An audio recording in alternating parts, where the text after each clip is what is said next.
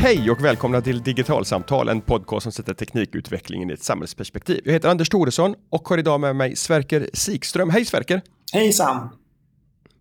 Du är professor i kognitiv psykologi vid Lunds universitet. Det, ja, det stämmer. Och du har ägnat din forskarkarriär i tvärsnittet mellan datorer och den mänskliga hjärnan och bland annat tittat på tidigare på hur man kan göra modeller utav minnet. Precis. Jag, jag började intressera mig för hur man kan förstå beteende ur ett beräkningsmässigt perspektiv. Så mitt, mina första forskningsår ägnade åt eh, minne och modeller av minne. Hur kan man liksom skapa en teoretisk modell som man kan simulera på datorer och implementera det där för att förstå ens beteende. Då. Mm.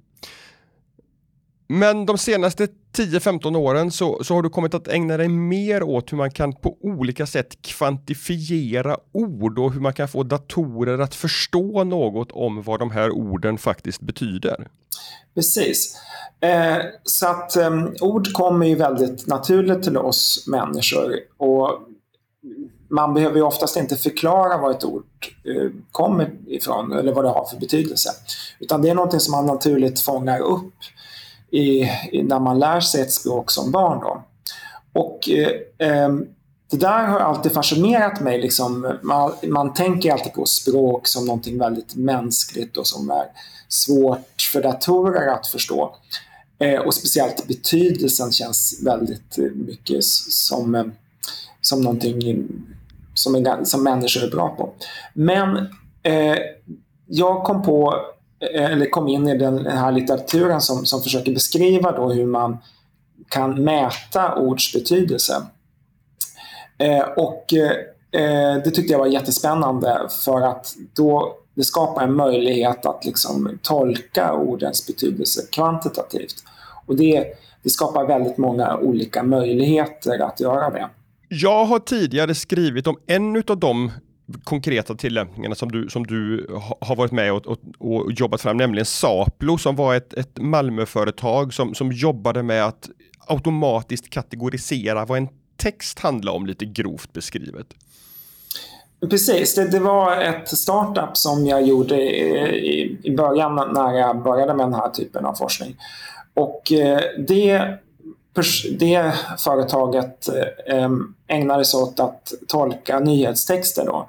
Så vi hade till exempel Sydsvenskan som, som kund och ett antal andra olika tidningar. Och där försökte vi se vilka, vilka texter som hör ihop med varandra. Man, när man läser en text så kanske man vill ha liknande texter. Eh, och vi tog också ut entiteter, alltså eh, företag, personer, platser ut ur texter. Det höll vi på med ett tag, sen sålde vi det företaget vidare så att det blev en exit där. Men den, den tillämpningen som vi ska prata om idag är en, en annan som, som hjäl, handlar om att hjälpa vården att ställa diagnos på personer som, som visar tecken på mental ohälsa. Precis, och det är ju någonting som är väldigt mycket mer kopplat till psykologi som är mitt forskningsfält. Eh, så att eh, eh, idag när man kommer till en psykiatrisk klinik eller, och söker för, eh, för att man mår dåligt helt enkelt, psykologiskt sett, då får man ju oftast fylla i skattningsskalor. Hur mår, dåligt, hur mår du på en skala från 0 till 10? Och det där är ganska onaturligt och lite konstigt, liksom sätta en siffra på hur man mår. Det som är det naturliga är att använda ord. Jag känner mig nere, ledsen, tom, etc. Och vi har utvecklat en metod då för, där, där man ställer öppna frågor. Vi frågar helt enkelt personer, hur, är du deprimerad eller inte? Beskriv med fem beskrivande ord. Då. Och så skriver man ord som nere, ensam, tom, deprimerad. Så här.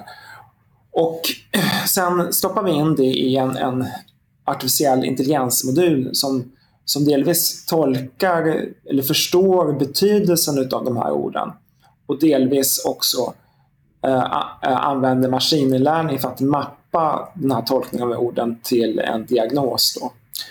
Och vi tittar framför allt på depression och ångest i den här processen.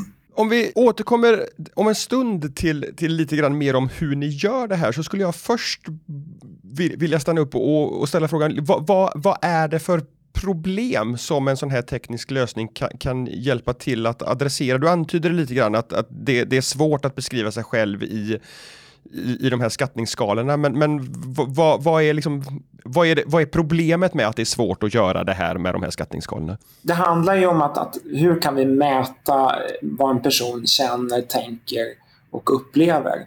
Eh, och, och där i den inre världen så är det ju inte siffror som gäller utan det är en upplevelse som man normalt sett kommunicerar med ord till, till andra människor. Då. Och Eh, eh när, man, när man mår på något sätt så är det oftast en ganska komplex process. Man kan känna sig...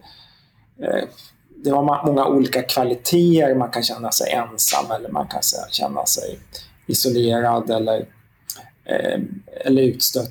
Och, så vidare. och de kvaliteterna kommer ju med i orden. Då. Men man tappar ju de dimensionerna när man eh, försöker mappa det här till, till en skattningsskala. Då. Så vi kan fånga upp massor med fler aspekter med ord.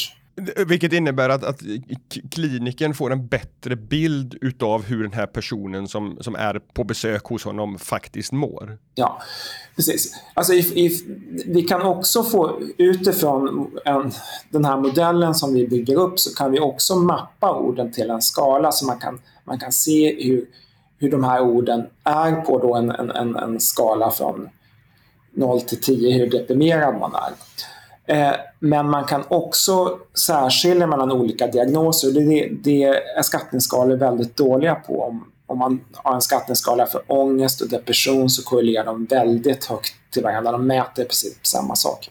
Men när man uttrycker sig i ord så tenderar det att, att mer särskilja vilken typ av problematik man har.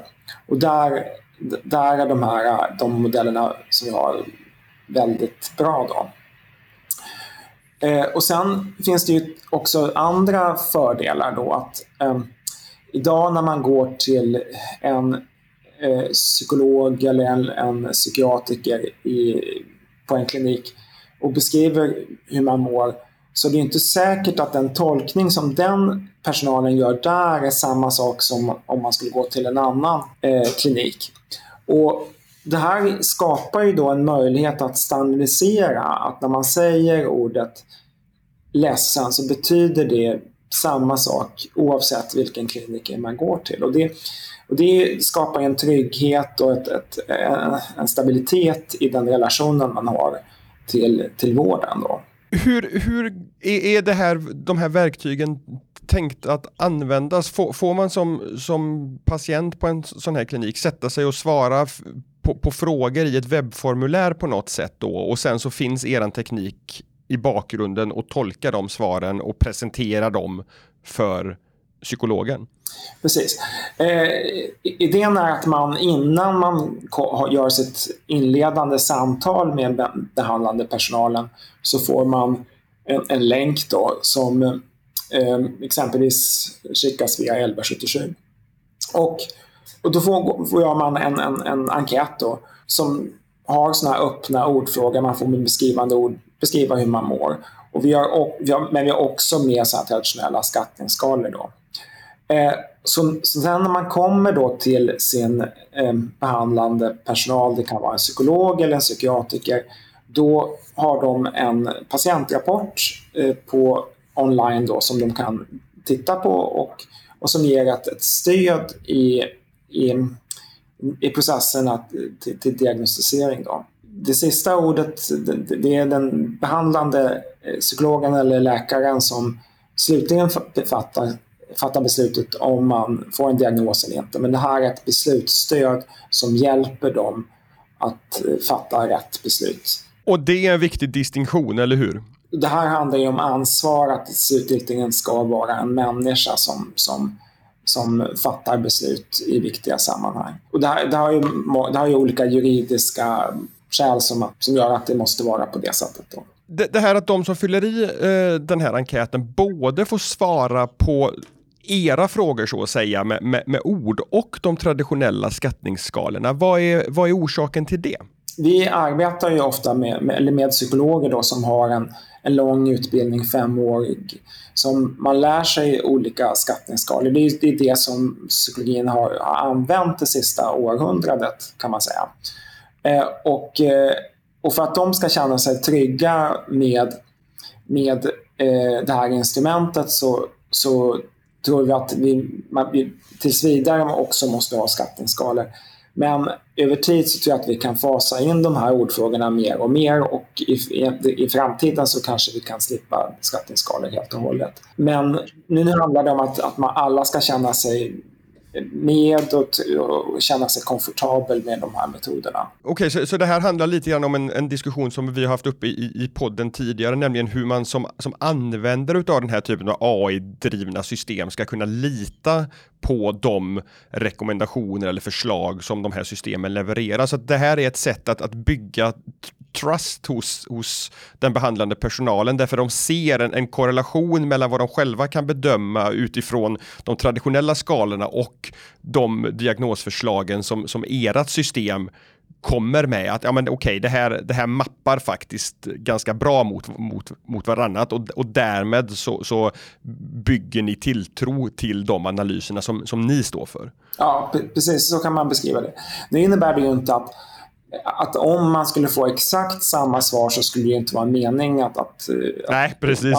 Utan, utan det här, de kan skilja sig lite åt men, men, men de ger kompletterande information. Då. Och vi har, vi har, visat i ett antal olika studier att, att våra instrument är väldigt valida och verkligen mäter det de ska mäta. För, för det var den frågan som jag tänkte komma till härnäst. Hur, hur har ni gjort för att träna upp de här systemen, att kunna hitta de här sambanden mellan vilka ord väljer jag att beskriva mig själv med och vad det då innebär för, för sannolik diagnos. Hur, hur, hur ser den träningsprocessen ut? Vi har ju eh, forskat på detta eh, under lång tid och har ett stort antal studier eller datainsamlingar där vi låter, som är kört oftast då på internet, då, eh, där, vi, där vi låter försökspersoner göra skattningsskalor och också de här ordfrågorna. Så att det är vårt datamaterial som vi kan, vi kan jämföra med. Då. Och sen har vi också jobbat mycket med de här beräkningsmässiga metoderna för att göra den här tolkningen. Då. Och det, det är två steg som vi gör. Då. Delvis så bygger vi en, en förståelse för ett språk. Då. Det gör vi genom att läsa väldigt stora textmassor eh, som vi får via internet. Då. Och då kan vi se vilka ord som förekommer tillsammans och ur det kan man extrahera en förståelse utav, utav språk. Då. Och då då kan vi eh, mappa över de här orden till en, en semantisk representation som, som har då siffror. Och sen kan man använda maskininlärning för att, för att koppla den här semantiska representationen till en diagnos. Nästa steg då, när, när, man, när man tror att man har lyckats med den här mappningen, hur, hur gör man för att verifiera att, att modellen faktiskt gör det man tror att den gör? Ja, delvis så, så Eh, Eh, tittar vi då på korrelationerna mellan våra semantiska mått och skattningsskalor då. Så, så det, det är, är, den metod som vi framförallt ägnar oss åt. Men sen så har vi också tittat i, i vissa, vissa datainsamlingar på hur det här korrelerar mot andra externa mått som, som, inte, har, som inte personen uppger som sådant, som till exempel sjukskrivningar och sånt den, den här metoden, de här, eller rättare sagt det här verktyget som ni, som ni har byggt, det, det testas i, i praktiken på ett antal kliniker i, i Skåne just nu, stämmer det? Ja, det stämmer. Mm. Uh, hur, hur går en, en, en sån testverksamhet till utav, utav den här typen utav, utav nya verktyg? Uh, ja, det här handlar ju mycket om att komma in i en, en ganska praktisk vardag eh, hos eh, en klinik då, som har olika rutiner. Eh, och eh, Vad vi gör helt enkelt är att när en patient blir kallad till, till sitt första besök till kliniken så får man ett e-sms med en länk att, att eh, vara god och fyll i den här enkäten. Då. Mm. Och så tycker man på den enkäten och gör våran, ja, svara på de här frågorna. Då. Och eh, sen när man kommer till kliniken så, så eh, och träffar sin behandlande personal, psykolog, då Eh, då går man igenom den här patientrapporten. Då. Och det här är, men det här handlar ju också om att få eh, jobba in de här rutinerna i, i en personalgrupp, då, att träffa psykologerna, gå igenom hur den här rapporten ser ut, eh, få kontakt med de personer som skickar ut eh, eh, rapporterna och, och, få det här godkänt av ledning och så vidare. Så det, det är en ganska stor administration kring att introducera ett sånt här system i, i en klinik som, som är, ofta är lite ett större arbete än vad det kanske låter till en början. Hur ser det ut med certifieringskrav och liknande? Räknas ett sånt här system som, som medicinsk utrustning och, och, och måste godkännas på massa olika sätt? Eller vilka liksom krav finns det på den här typen av utav hjälpmedel? Precis, man, man, eh, för att kunna använda det i ett medicinskt sammanhang så behöver man en CE-märkning. Då. Och det är en internationell standard som, som eh, ställer olika krav på de, de som producerar en, ett sånt här hjälpmedel och också krav på hjälpmedel som, som sådant. Då. Eh, så i, i vårt fall så handlar det om en klass 1 CE-märkning. Då. Eh, och det där eh, kräver att man fyller i massor med olika dokument och formaliserar procedurer kring hur, hur den organisation som utvecklar det här eh, fungerar och, och, och sen också eh, precisera preciserar olika eh, hur, man, hur produkten görs och hur man, man gör förändringar i produkten och, eh, och har olika kvalitetskontroller på det hela. Så, så det, sånt, det är en stor del av det arbetet att, att gå igenom sånt. Har ni fått någon återkoppling från, från den behandlade personal som har börjat använda verktygen? Hur, hur, vilka, vilka signaler får ni från hur det faktiskt tas emot ute i, i, i en praktisk verksamhet? Eh, jag tror att många tycker att det här är väldigt, väldigt spännande. Eh, psykologi eh, eller psykiatrisk Eh, den, den form som man behandlat eller diagnostiserar mental ohälsa har ju varit väldigt eh, konstant under, under lång tid. Man, man har i princip samma instrument idag som man hade för 10, 20, 30, 40 år sedan. Och att introducera då en, en ny metod tror jag att många tycker som är väldigt, väldigt spännande. Och Idag är det också väldigt eh, mycket tal om artificiell intelligens och hur det påverkar saker i samhället. Så, så där tror jag att man rider på en, en, en våg av att det här, är, det här är kul. Och vi möter väldigt stor entusiasm kring detta. Om ett sånt här verktyg skulle, skulle implementeras på, på bred front vad, vad, skulle liksom, vilka skulle bli de stora nyttorna, kanske både för den enskilda patienten och för den enskilda kliniken, men också på, på samhällsnivå? Vad, vad skulle vi vinna med den här typen av utav teknik? Eh, ja, först måste man ju säga att, att det här med mental ohälsa är ett, väl, ett stort folkhälsoproblem. Eh, det, alltså var femte svensk eh, blir diagnostiserad bara för depression exempelvis. Eh, och eh, nästan hälften av alla, alla sjukskrivningar i Sverige, jag tror ungefär 45 procent, beror på mental ohälsa. Så det här är ett väldigt, väldigt stort problem. Så, Eh, eh, så med det här verktyget tror vi att vi kan snabbare eh, hitta personer som mår dåligt. Och vi vet också från andra studier att om man, om man gör en snabb diagnos så finns det mycket bättre möjligheter att, att också behandla eh, personerna. Och det skapar också en, en, större träffsäkerhet i vilken typ av diagnos man har. Och att, ha, ha, att behandla med rätt, med rätt verktyg till rätt diagnos är också väldigt viktigt. Eh, så, att, så, så, vi tror att det här, eller det här är ett samhällsproblem som, som drabbar väldigt många och som är väldigt relevant. Så, så, och det talas också mycket om, om mental ohälsa i samhället idag än man gjorde kanske för 5-10 år sedan. Så det här är väldigt inne skulle jag säga. Jag, jag får en annan tanke när, när jag hör dig svara och, och beskriva hur, hur, det här fungerar. Ett, ett, en en annan aspekt där jag vet att, att vården är stor, högt, liksom lever under hög belastning, det är ju på akutmottagningar dit, dit folk kommer med, med åkommor som inte hör hemma på en akutmottagning utan som kan vänta till ett vårdcentralsbesök dagen därpå.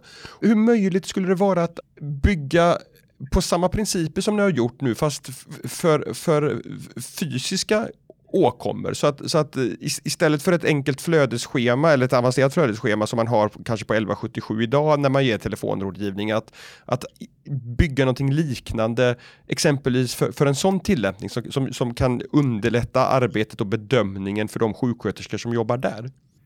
Eh, det, jag tror säkert att sådana här system kan, kan användas i, i, i många andra sammanhang också. I, i eh, och det finns ju andra som jobbar med beslutsstöd för, för fysiska åkommor. Men där är det oftast många andra variabler som är relevanta som man kanske inte mm. alltid kan säga i ord. Man behöver kanske ett blodprov eller, eh, eller, eller titta på ett sår och så vidare. Så, så det, det eh, även om jag tror man kan använda liknande metoder men det, det är andra frågeställningar som blir väsentliga i de sammanhangen. Ja, okej. Okay. Hur långt har ni, har ni kommit i, i utvecklingen av ert verk, verktyg? Hur, hur färdigt är det för en, för en bred implementation? Eh, så, så, vi, har, vi har gjort den grundläggande forskningen på detta och, och känner oss trygga med att det här är ett validt sätt att, att mäta psykisk ohälsa. Och vi har också utvecklat det här um, systemet för, för, eh, rent eh, tekniskt så att man kan använda det på en klinik. Man kan, det finns ett system att, att ladda in patienter, att skicka ut de här länkarna, att administrera det. Och man får också en, en, en, det finns också en patientrapport som, som, som man kan anpassa till olika sammanhang och, och, och som presenterar resultaten. Då. Eh, så, eh, så vi är i ett skede där vi vill börja eh, eh skala upp det här till fler kliniker och, och hitta olika eh, platser att, att applicera det här på helt enkelt. Så, så jobbar man på en klinik och tycker att det här låter spännande, då, då är man välkommen att ta kontakt?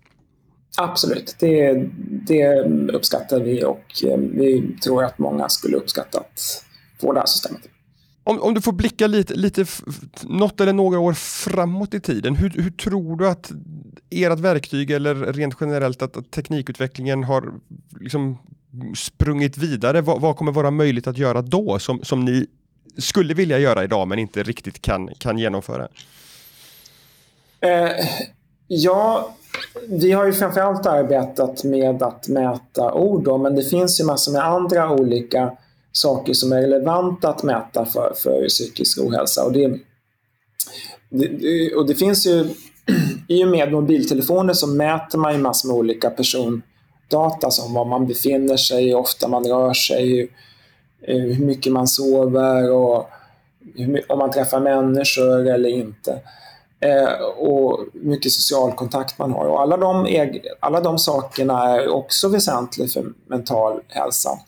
Så Eh, jag ser en framtid där, där, eh, där vi kan på ett mer holistiskt sätt mäta eh, massa med olika indikationer på hur man mår och därmed mycket snabbare identifiera, kanske på ett proaktivt sätt, om man börjar må dåligt och att det kanske är sjukvården som kontaktar en potentiell patient eh, när man mår sämre istället för tvärtom att patienten liksom kommer kanske för sent och, och söker vård. Då. Då, då, kommer man in på en annan fråga som, som, som, jag tycker är intressant, nämligen den här avvägningen mellan personlig integritet och, och nytta både på samhällsnivå för den, för den enskilde individen. Hur, hur, hur diskuterar du och dina kollegor kring, kring den typen av utav frågeställningar? Sådana här system kräver ju väldigt höga krav på, på integritet och, och i, det, Ehm, man, man gör ju bara den här undersökningen om, om man frivilligt vill signera upp för att delta i den. Och alla mm. data mm. behandlas eh, väl med stor sekretess och det, det finns eh, kodningar så att eh, den datan som, som sparas är, eh, som är relevant finns i ett system men identiteten i ett annat system. Och, och, och för att veta vad, vad, hur just du mår så måste man liksom först koppla ihop de här systemen för att, att, att, få ihop det. Så att, eh, det där eh, jobbar vi väldigt mycket med, att få det rätt. Mm. Spännande! Sverker, stort tack för att du var med i Digitalsamtal och berättade om den här teknikutvecklingen för våra lyssnare. Tack så mycket! Och till er som har lyssnat, hoppas ni uppskattade samtalet. Vi hörs igen om en vecka nästa onsdag i ett nytt avsnitt utav Digitalsamtal. På återhörande då, hej så länge!